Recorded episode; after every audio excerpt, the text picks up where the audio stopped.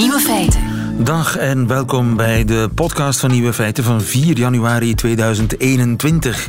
In het nieuws vandaag dat een Britse man per ongeluk zijn naam in Céline Dion heeft veranderd. Thomas Dodd, zoals de man vroeger heette, is namelijk superfan van de Canadese zangeres en vulde de lege lockdown-dagen dan ook met het continu bekijken van haar concerten. Ook op kerstavond, maar dan in gezelschap van een magnum fles champagne. Maar halverwege de show en halverwege de fles kreeg Thomas het geniale idee om zijn naam te laten veranderen. Nog natrillend van Celine haar vibrato vulde hij online het juiste formulier in en betaalde de gevraagde 900 euro. Tegen die tijd was de magnum champagne helemaal leeg en kroop Thomas tevreden het bed in. Zijn dronken idee was hij al lang vergeten tot enkele dagen later. De officiële documenten in zijn bus dropten. Teken hier als u afstand neemt van uw oude naam en voortaan Céline Dion wil heten. De Brit wist het niet meer, maar zijn banksaldo verraadde dat hij wel degelijk de naamsverandering had aangevraagd. En hij heeft getekend. Reken maar. Mijn naam is Dalida Voortaan. Goedemiddag. De andere nieuwe feiten vandaag. Uh, nieuws heet van de naald. Assange moet niet naar Amerika, beslist de rechter. Het eiwit dat pasgeboren babytjes doet ademen is gevonden. In Nieuw-Zeeland geven de mensen elkaar weer gewoon een hand bij de begroeting. En de Franse politie heeft die illegale raveparty in Bretagne gewoon zien opbouwen. De nieuwe feiten van Nico Dijkshoorn hoort u in zijn middagjournaal. Veel plezier. Radio 1. Feiten. Julian Assange, de oprichter van klokkenluiderswebsite Wikileaks, die wordt dus niet uitgeleverd aan de Verenigde Staten. Dat besliste vandaag zo pas een eh, Britse rechtbank. Assange, die in het Verenigd Koninkrijk in de gevangenis zit, wordt ervan beschuldigd de publicatie van geheime informatie mogelijk gemaakt te hebben. De Verenigde Staten willen hem om hem te berechten voor spionage en andere uh, aanklachten. Lia van Beckhoven, goedemiddag. Goedemiddag, lieve. Onze vrouw in uh, Londen. Was die uitspraak van de rechter, was die ongeveer verwacht? Nou, niet helemaal. Interessant vond ik dat uh, de rechter eigenlijk alles afwees en dat ze besloot dat de reden waarom Julian Assange niet door Londen kan worden uitgeleverd aan de Verenigde Staten is vanwege zijn precaire mentale gezondheid. Um, de rechter zegt dat, uh, ze een, een, dat uh, Julian Assange een man is die lijdt aan um, depressie, um, die soms hopeloos de zaak inziet. Hij is een man die last heeft van zelfmoordneigingen. Um, en ze zegt dat dat, uh, wat haar betreft, reden genoeg is om hem niet uit te leveren, omdat het gevangenissysteem in de Verenigde Staten niet kan garanderen dat hij niet zelfmoord zal plegen. En dat, dat is, het, eigenlijk haar conclusie. Dat is het enige waar zij uitspraak over gedaan heeft. Die man is niet fit genoeg om uh, naar Amerika te gaan. Terecht te Precies, dat is het. Uh, uh, nou, de vraag nu is natuurlijk Julian Assange, die vecht al tien jaar lang sinds de publicatie van Wikileaks, hè, waar hij directeur van was, uh, over oorlogsdocumenten die uh, van de Verenigde Staten. Uh, sinds die tijd eigenlijk wil de Verenigde Staten hem uitgeleverd hebben, want zeggen ze, um, Julian Assange heeft via die Wikileaks site paparassen vrijgegeven. Dat waren diplomatieke en politieke documenten documenten. En dat is een, uh, een, een aanslag op uh, de Amerikaanse geheime uh, code. En dat betekent dat hij een gevaar is voor de nationale veiligheid van Amerika. Dus daarvoor moet hij berecht worden. Daar ging het niet om wat de Britse rechten betreft. Het ging niet om of het een kwestie was van vrijheid van meningsuiting, vrijheid van pers. Het ging er niet om of Wikileaks gelijk had met de publicatie van die geheime documenten die aantoonden wat de Verenigde Staten deed in oorlogen als Irak bijvoorbeeld. Ja, en dat uh, daar leger daarover logen. Het ging alleen maar om zijn mentale, het ging alleen maar om zijn mentale gezondheidszorg. Het ging er niet ook om dat Amerikaan um, Julian Assange jarenlang, terwijl die, terwijl die vastzat in de ambassade van Ecuador, weet je wel, waar hij zeven jaar vastzat, hem afluisterde daar. Daar ging het allemaal niet om. Het ging alleen om zijn mentale ehm, eh, gezondheid en dat nogmaals de rechter, de Amerikanen, niet vertrouwden dat ze zouden beletten dat hij zelfmoord zou plegen. Betekent dat ook dat mocht die gezondheid verbeteren, hij alsnog uitgeleverd kan worden? Nou, eh, het wachten nu is op eh, de Verenigde Staten en de volgende acties. De verwachting hier in Londen is dat Amerika vrij snel zal beslissen dat ze daartegen in beroep gaan. Dus dit betekent niet dat Julian Assange uh, na tien jaar af is van de dreiging om toch uitgeleverd te worden naar Amerika. Kijk, zijn um, verdedigers, zijn advocaten zeggen dat mocht hij uitgeleverd worden, hij dan kan rekenen op vervolging en op een gevangenisstraf van 175 jaar. Terwijl de Amerikaanse zelf zeggen, nou, tussen de vier en zes jaar zeer waarschijnlijk. Um, uh, maar dat is dus de reden waarom hij destijds um, uh, zich uh, verborg en zeven jaar vastzat, in, vrijwillig vastzat in die ambassade in Londen. Um, totdat hij dus werd opgepakt en de afgelopen twee jaar in een Londense gevangenis heeft gezeten. Ja, en blijft hij daar zitten voorlopig? Nou, daar wordt nu over onderhandeld. Kan hij op borg worden vrijgelaten of zal hij blijven zitten? Um, uh, en nogmaals, wat zal de Verenigde Staten doen? Um, zijn, zijn, zijn vriendin verloofde. Want ondanks eh, de termijn dat hij vast zat in die ambassade, heeft dat hem er niet van belet om twee kinderen te verwekken bij uh, een vriendin die zich uh, heel erg heeft ingespannen voor zijn vrijlating. Uh, maar zij hopen inderdaad dat hij nu vrijgelaten wordt. Um, omdat inderdaad zijn mentale gezondheidszorg veel te wensen overlaat. Of dat gaat gebeuren, eerlijk gezegd, dat vraag ik me af. Dankjewel. Lia van Beckhoven in Londen. Goedemiddag. Nieuwe feiten. Wat ik mij de voorbije dagen heb zitten afvragen, gaan we nadat die hele coronacrisis achter de rug is, gaan we elkaar gewoon weer de hand schudden? Misschien krijg ik daarop het antwoord van Tanja. Goeie, ik moet eigenlijk goedenavond zeggen tegen, tegen jou, Tanja Smets. Ja, goedenavond. Want jij eh, woont en werkt in Nieuw-Zeeland, waar de coronacrisis achter de rug is, hè? Ja, correct. Helemaal achter de rug? Um, wel, de, de grenzen zijn hier gesloten, dus iedereen die binnenkomt, die moet 14 dagen in quarantaine. En daar worden nog wel um, positieve gevallen opgepakt. Want er wordt driemaal getest tijdens die, um, tijdens die 14 dagen. Ja. Um, maar, maar dus in de gemeenschap zijn er geen, zijn er geen ja. vasthouden, uh, zijn er voorlopig geen gevallen geen gevallen. En die uh, quarantaine, uh, dat is geen kattenpis, daar is geen ontsnappen aan. Daar is geen ontsnappen aan. Ja. En schudden jullie elkaar nu weer de hand? Wij schudden de hand, wij geven elkaar een zoen, wij geven elkaar een knuffel. Wij doen het eigenlijk allemaal. Is het weer helemaal terug naar normaal? Um, volgens mij wel. Wij, wij, doen, wij doen gewoon zoals ja, eigenlijk begin van vorig jaar. Um, wij gaan naar de bioscoop, wij gaan sporten, wij gaan naar sportevenementen, er zijn concerten. Um, Festivals? Er, er wordt festivals, ja, dat, dat gaat hier eigenlijk allemaal zo gewoon een gangetje terug. Ja, want het is hoogzomer uh, in Nieuw-Zeeland. Hoe hebben jullie kerst gevierd? Um, ik heb kerst gevierd met een aantal vrienden die, um, die ook uh, eigenlijk niet native Nieuw-Zeelanders zijn. Ja. Um, en wij, dus wij, wij, wij zijn allemaal eigenlijk uh, zonder familie hier. En, en wij, hebben gewoon, wij zijn gewoon met kerst uh, hebben wij hier samen lekker gebarbecued en, en, en, en, en van mekaars gezelschap genoten eigenlijk. Ja, en ook uh, op oudjaarsavond en nieuwjaarsdag iedereen kussen om de nek ja, vliegen.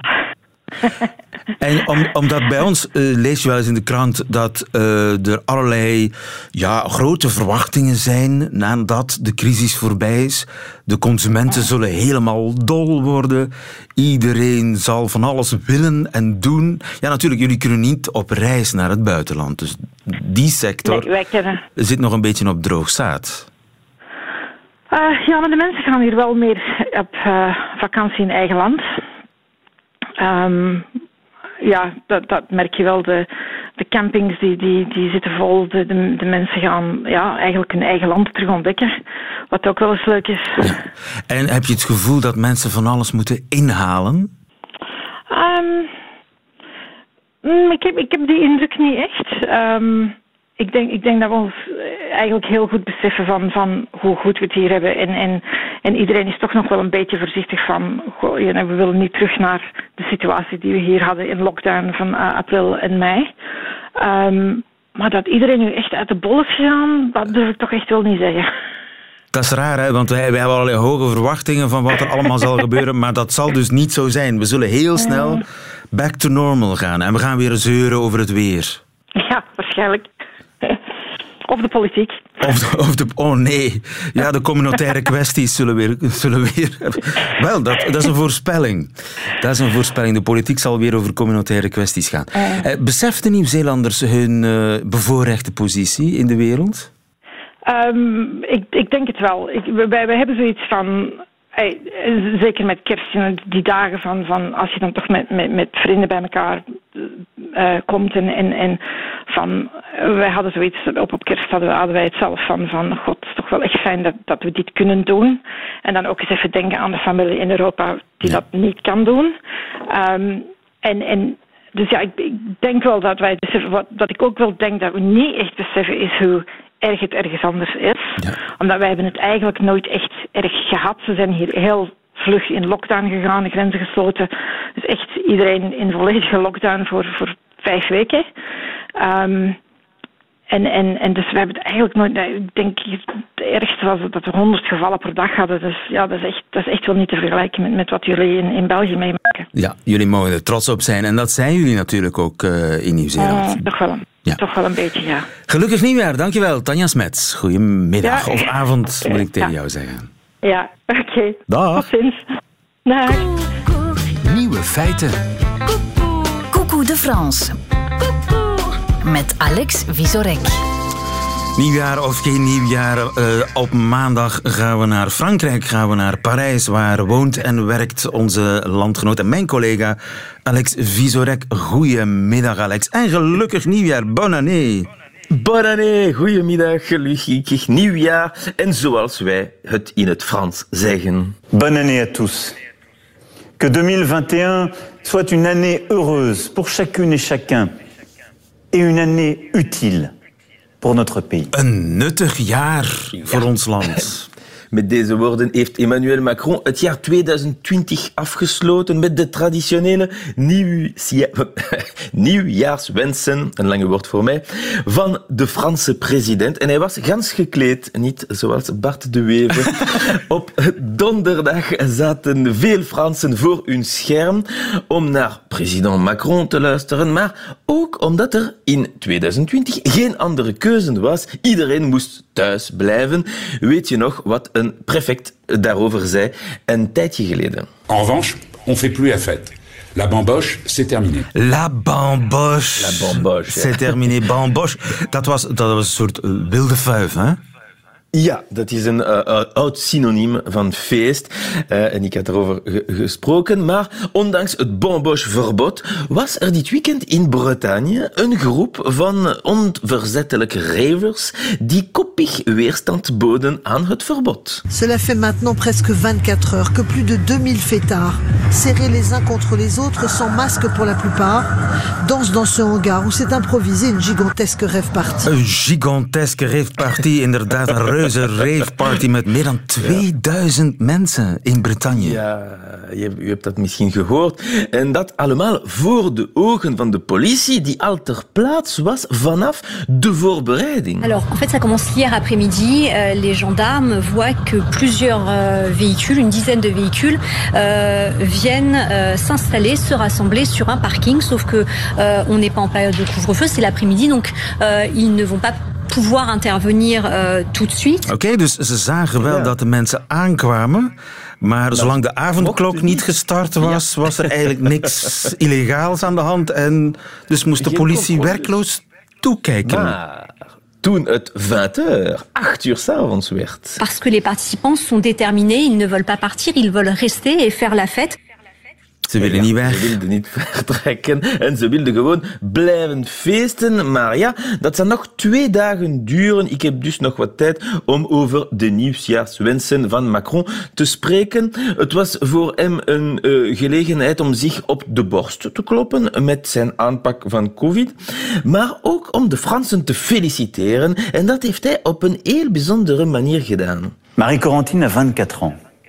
Au printemps dernier, cette infirmière fraîchement diplômée, originaire de Limoges, n'a pas hésité à tout quitter pour prêter main forte aux équipes de l'hôpital de Créteil débordé par l'afflux des malades du virus. Ja, allemaal voorbeelden van gewone Franse ja. burgers. Dat heeft hij gedaan. Voorbeelden geven van eh, burgers die zich volledig gegeven hebben. Laten we een beetje verder luisteren. Jean-Luc est chauffeur éboueur en Guyane. Avec ses collègues Anthony et Maxime. Ja, dus de ja, vuilnisman wordt ook genoemd. Ja, en zijn collega's, dat zal nog even duren. Uh, dus uh, mag ik teruggaan naar de raveparty? Daar is er ondertussen politieversterking toegekomen. Maar het is nog te gevaarlijk om het feest stil te leggen. Ze verkiezen om het nog een beetje te laten doorgaan. En als je luistert naar een van de organisatoren, dan merk je dat het feestje nog wel lang kan duren. C'est plutôt organisé, il y a même des stands de bouffe euh, pour manger. Il y a pas mal de monde, ouais, et ça vient même de pays euh, étrangers. Il y avait qui venaient d'Autriche, euh, il y en avait qui venaient d'Italie. Oui, oui, oui, les gens respectent quand même les distanciations. Ja, ja. ja, ja alles is goed georganiseerd, zegt deze organisator. En de mensen houden echt wel afstand, hoor. Ja, dat heeft hij gezegd, maar ik um, ben er niet zeker van. Dus misschien toch beter terug naar Macron.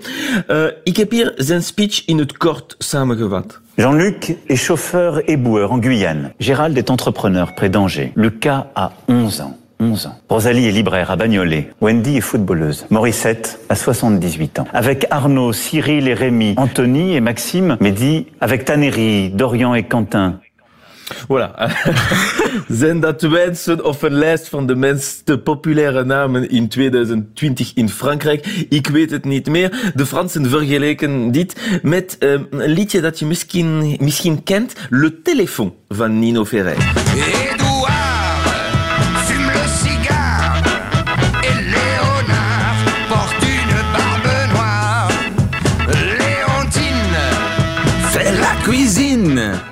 En het eindigt bij Gaston, hè? Gaston, ja, telefoon qui sonne. Exactement. Maar uiteindelijk eindigde Emmanuel Macron op de meest Franse manier die je kunt bedenken. Soyons fiers. Fiers d'être nous, les Français.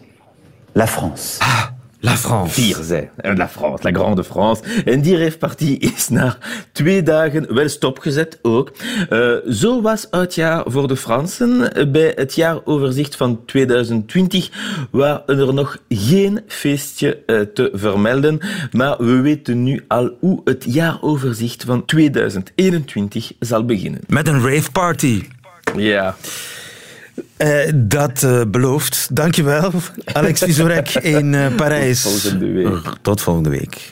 Altijd benieuwd. Nieuwe feiten. Het eerste en overigens ook het laatste wat wij op deze wereldbol doen, is ademen. En we hoeven daar niet eens over na te denken. Maar die reflex, hoe ontstaat die eigenlijk bij een pasgeborene? Daarover is in Amerika onderzoek gedaan. Twan Mulder, goedemiddag. Goedemiddag. U bent de diensthoofd intensieve neonatale zorg aan het UZ in Antwerpen. Ja, dat klopt. Ademen, dat begint meteen na de geboorte, hè? Heb ik dan, heb ik me zitten afvragen, als foetus nooit helemaal geademd? Ja, dat is een hele, hele goede vraag. En uh, het antwoord is, is dat een foetus, hè, dus een, uh, een ongeboren baby eigenlijk nog in de buik, uh, dat die toch ook al adembewegingen maakt. Ah ja, want er is een neus, er zijn spieren, keel, luchtpijp, longen, alles is er, de hele machinerie is er. Het lijkt me eigenlijk bijna onmogelijk om niet te ademen als, als foetus in de, in de baarmoeder. Ja, dat is inderdaad een terechte, terechte opmerking. Hè. Je ademt eigenlijk met je middenrif. En uh, dat is een spier die toch ook af en toe zal, zal aanspannen. Hè? En dus als wij echografisch kijken naar een, een baby in de buik, dan zien we ook dat er adembewegingen zijn van dat middenrif. En dat er dus ook uh, vruchtwater, want dat zit dan in de longen, op en neer beweegt uh, door de luchtwegen. Dus dat, dat, alleen het is geen adem. Het is niet continu. Af en toe en dan, nee. dan fluctueert er wat vruchtwater in en uit de longen. Klinkt ja. ongezond, moet ik zeggen. Ja, dat is ook, uh, eigenlijk is dat ook wel een van de, de wondertjes bij de geboorte van een baby. Dat eigenlijk in een, in een paar seconden tijd uh, die longen die gevuld zijn met, met vruchtwater, dat die ineens geklaard worden van al dat water en dat dan een continu ademhalingspatroon ontstaat. Ja. En dat is eigenlijk uh, ja, dat is een wonder. fantastisch. Ja. ja, dat is uh, bijna een wonder. Ja, dus dat, in de dat, eerste seconde ook... van mijn leven drukt er iets op een knop, de knop ademen. Ja, zo zou je het, zou je het kunnen noemen, ja. En weten ja. we al wat dat en, iets is? Hoe dat, wie drukt er op die knop? Of wat drukt er op die knop?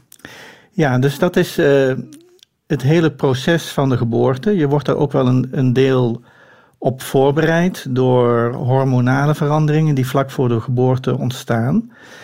Uh, ook worden er allerlei aanpassingen gedaan. De laatste dagen voor de bevalling, dat er bijvoorbeeld het vocht heel snel opgenomen kan worden na, na de geboorte. Maar dan is er natuurlijk dat magische dat, je, dat een foetus eigenlijk niet continu ademt en dat die na de geboorte continu gaat ademen. En daarvoor moeten we kijken naar het ademhalingscentrum wat in uh, de hersenstam zit.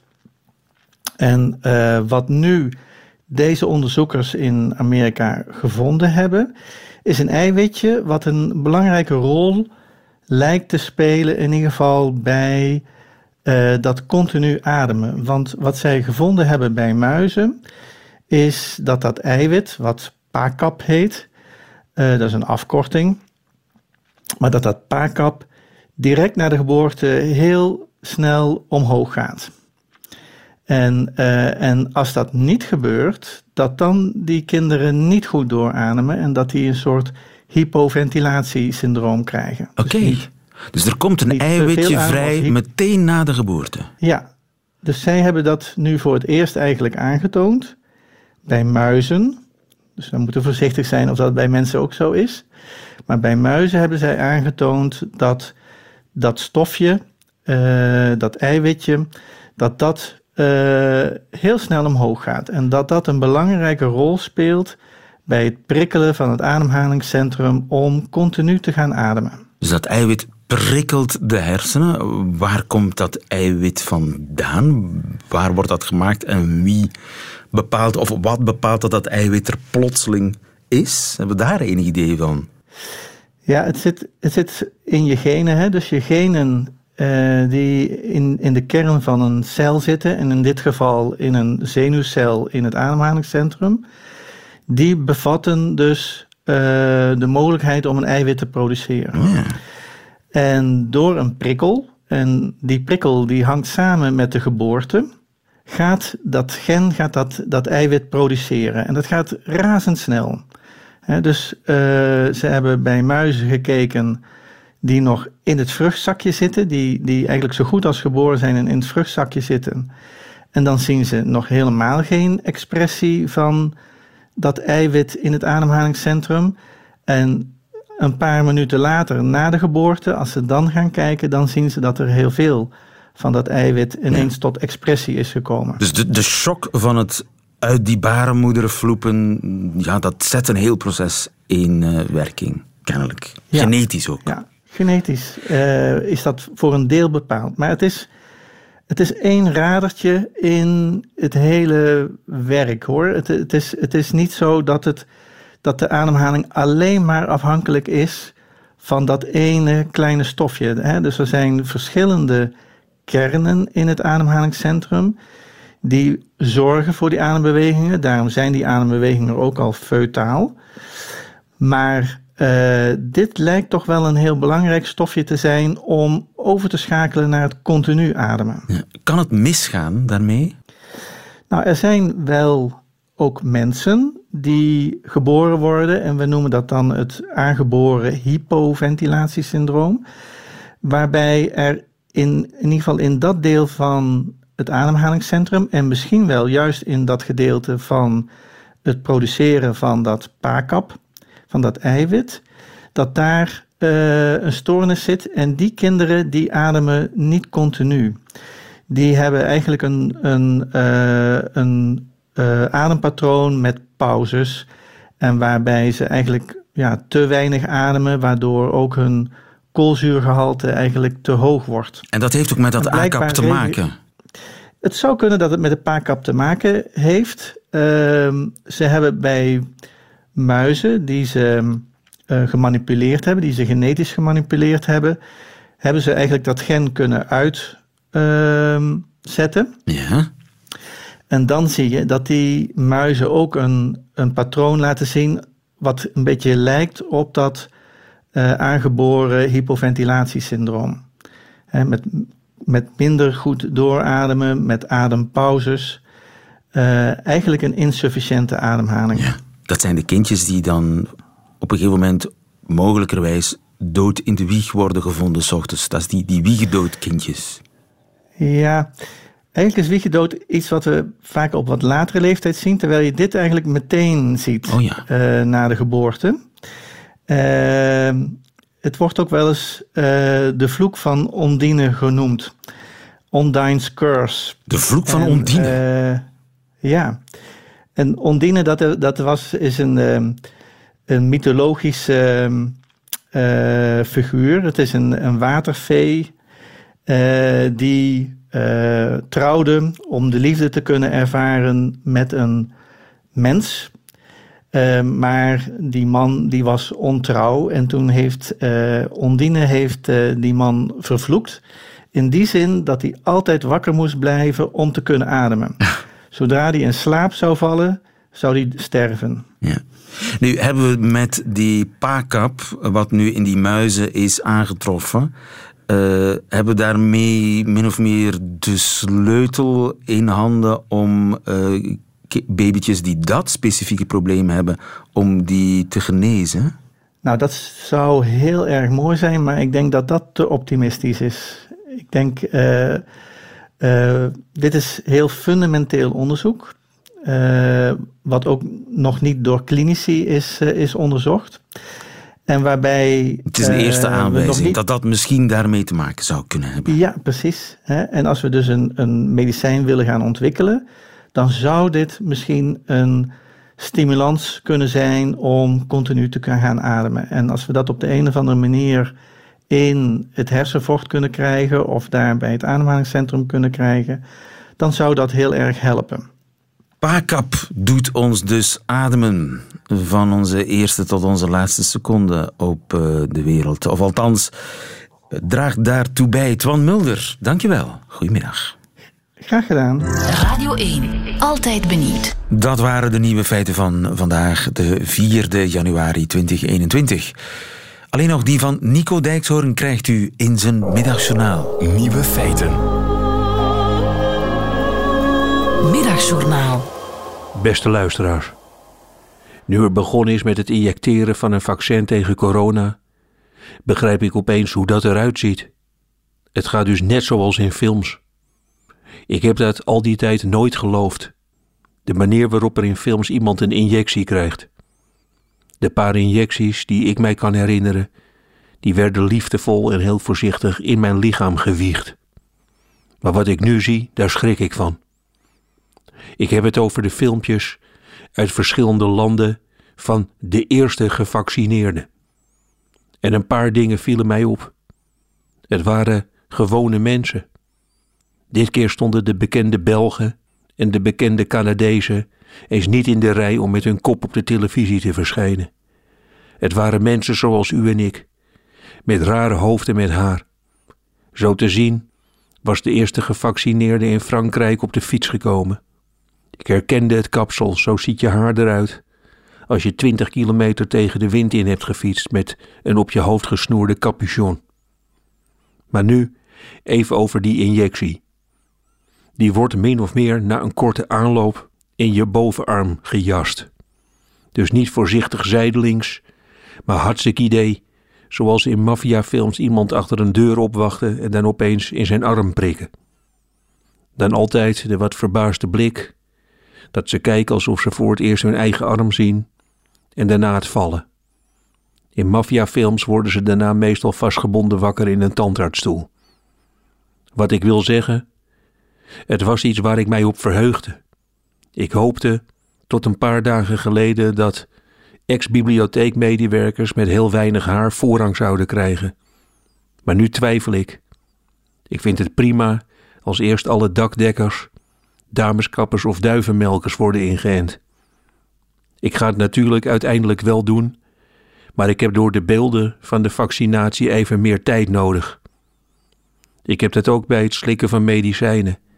Je weet dat het goed voor je is, maar een feest is het niet.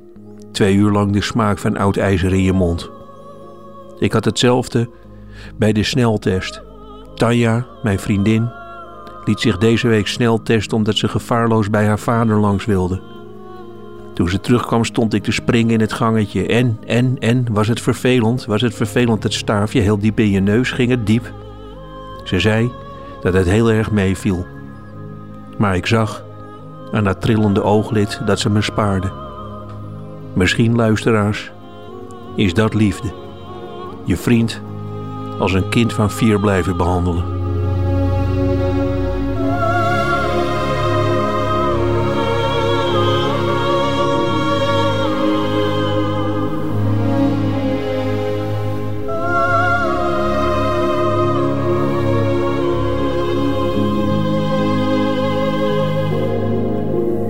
Het Middagjournaal met Nico Dijkshoorn. Einde van deze podcast van Nieuwe Feiten. Wilt u liever de volledige uitzending horen? Dat kan natuurlijk via radio1.be of via onze app. Daar vindt u overigens nog veel meer straffe podcasts. Tot een volgende keer.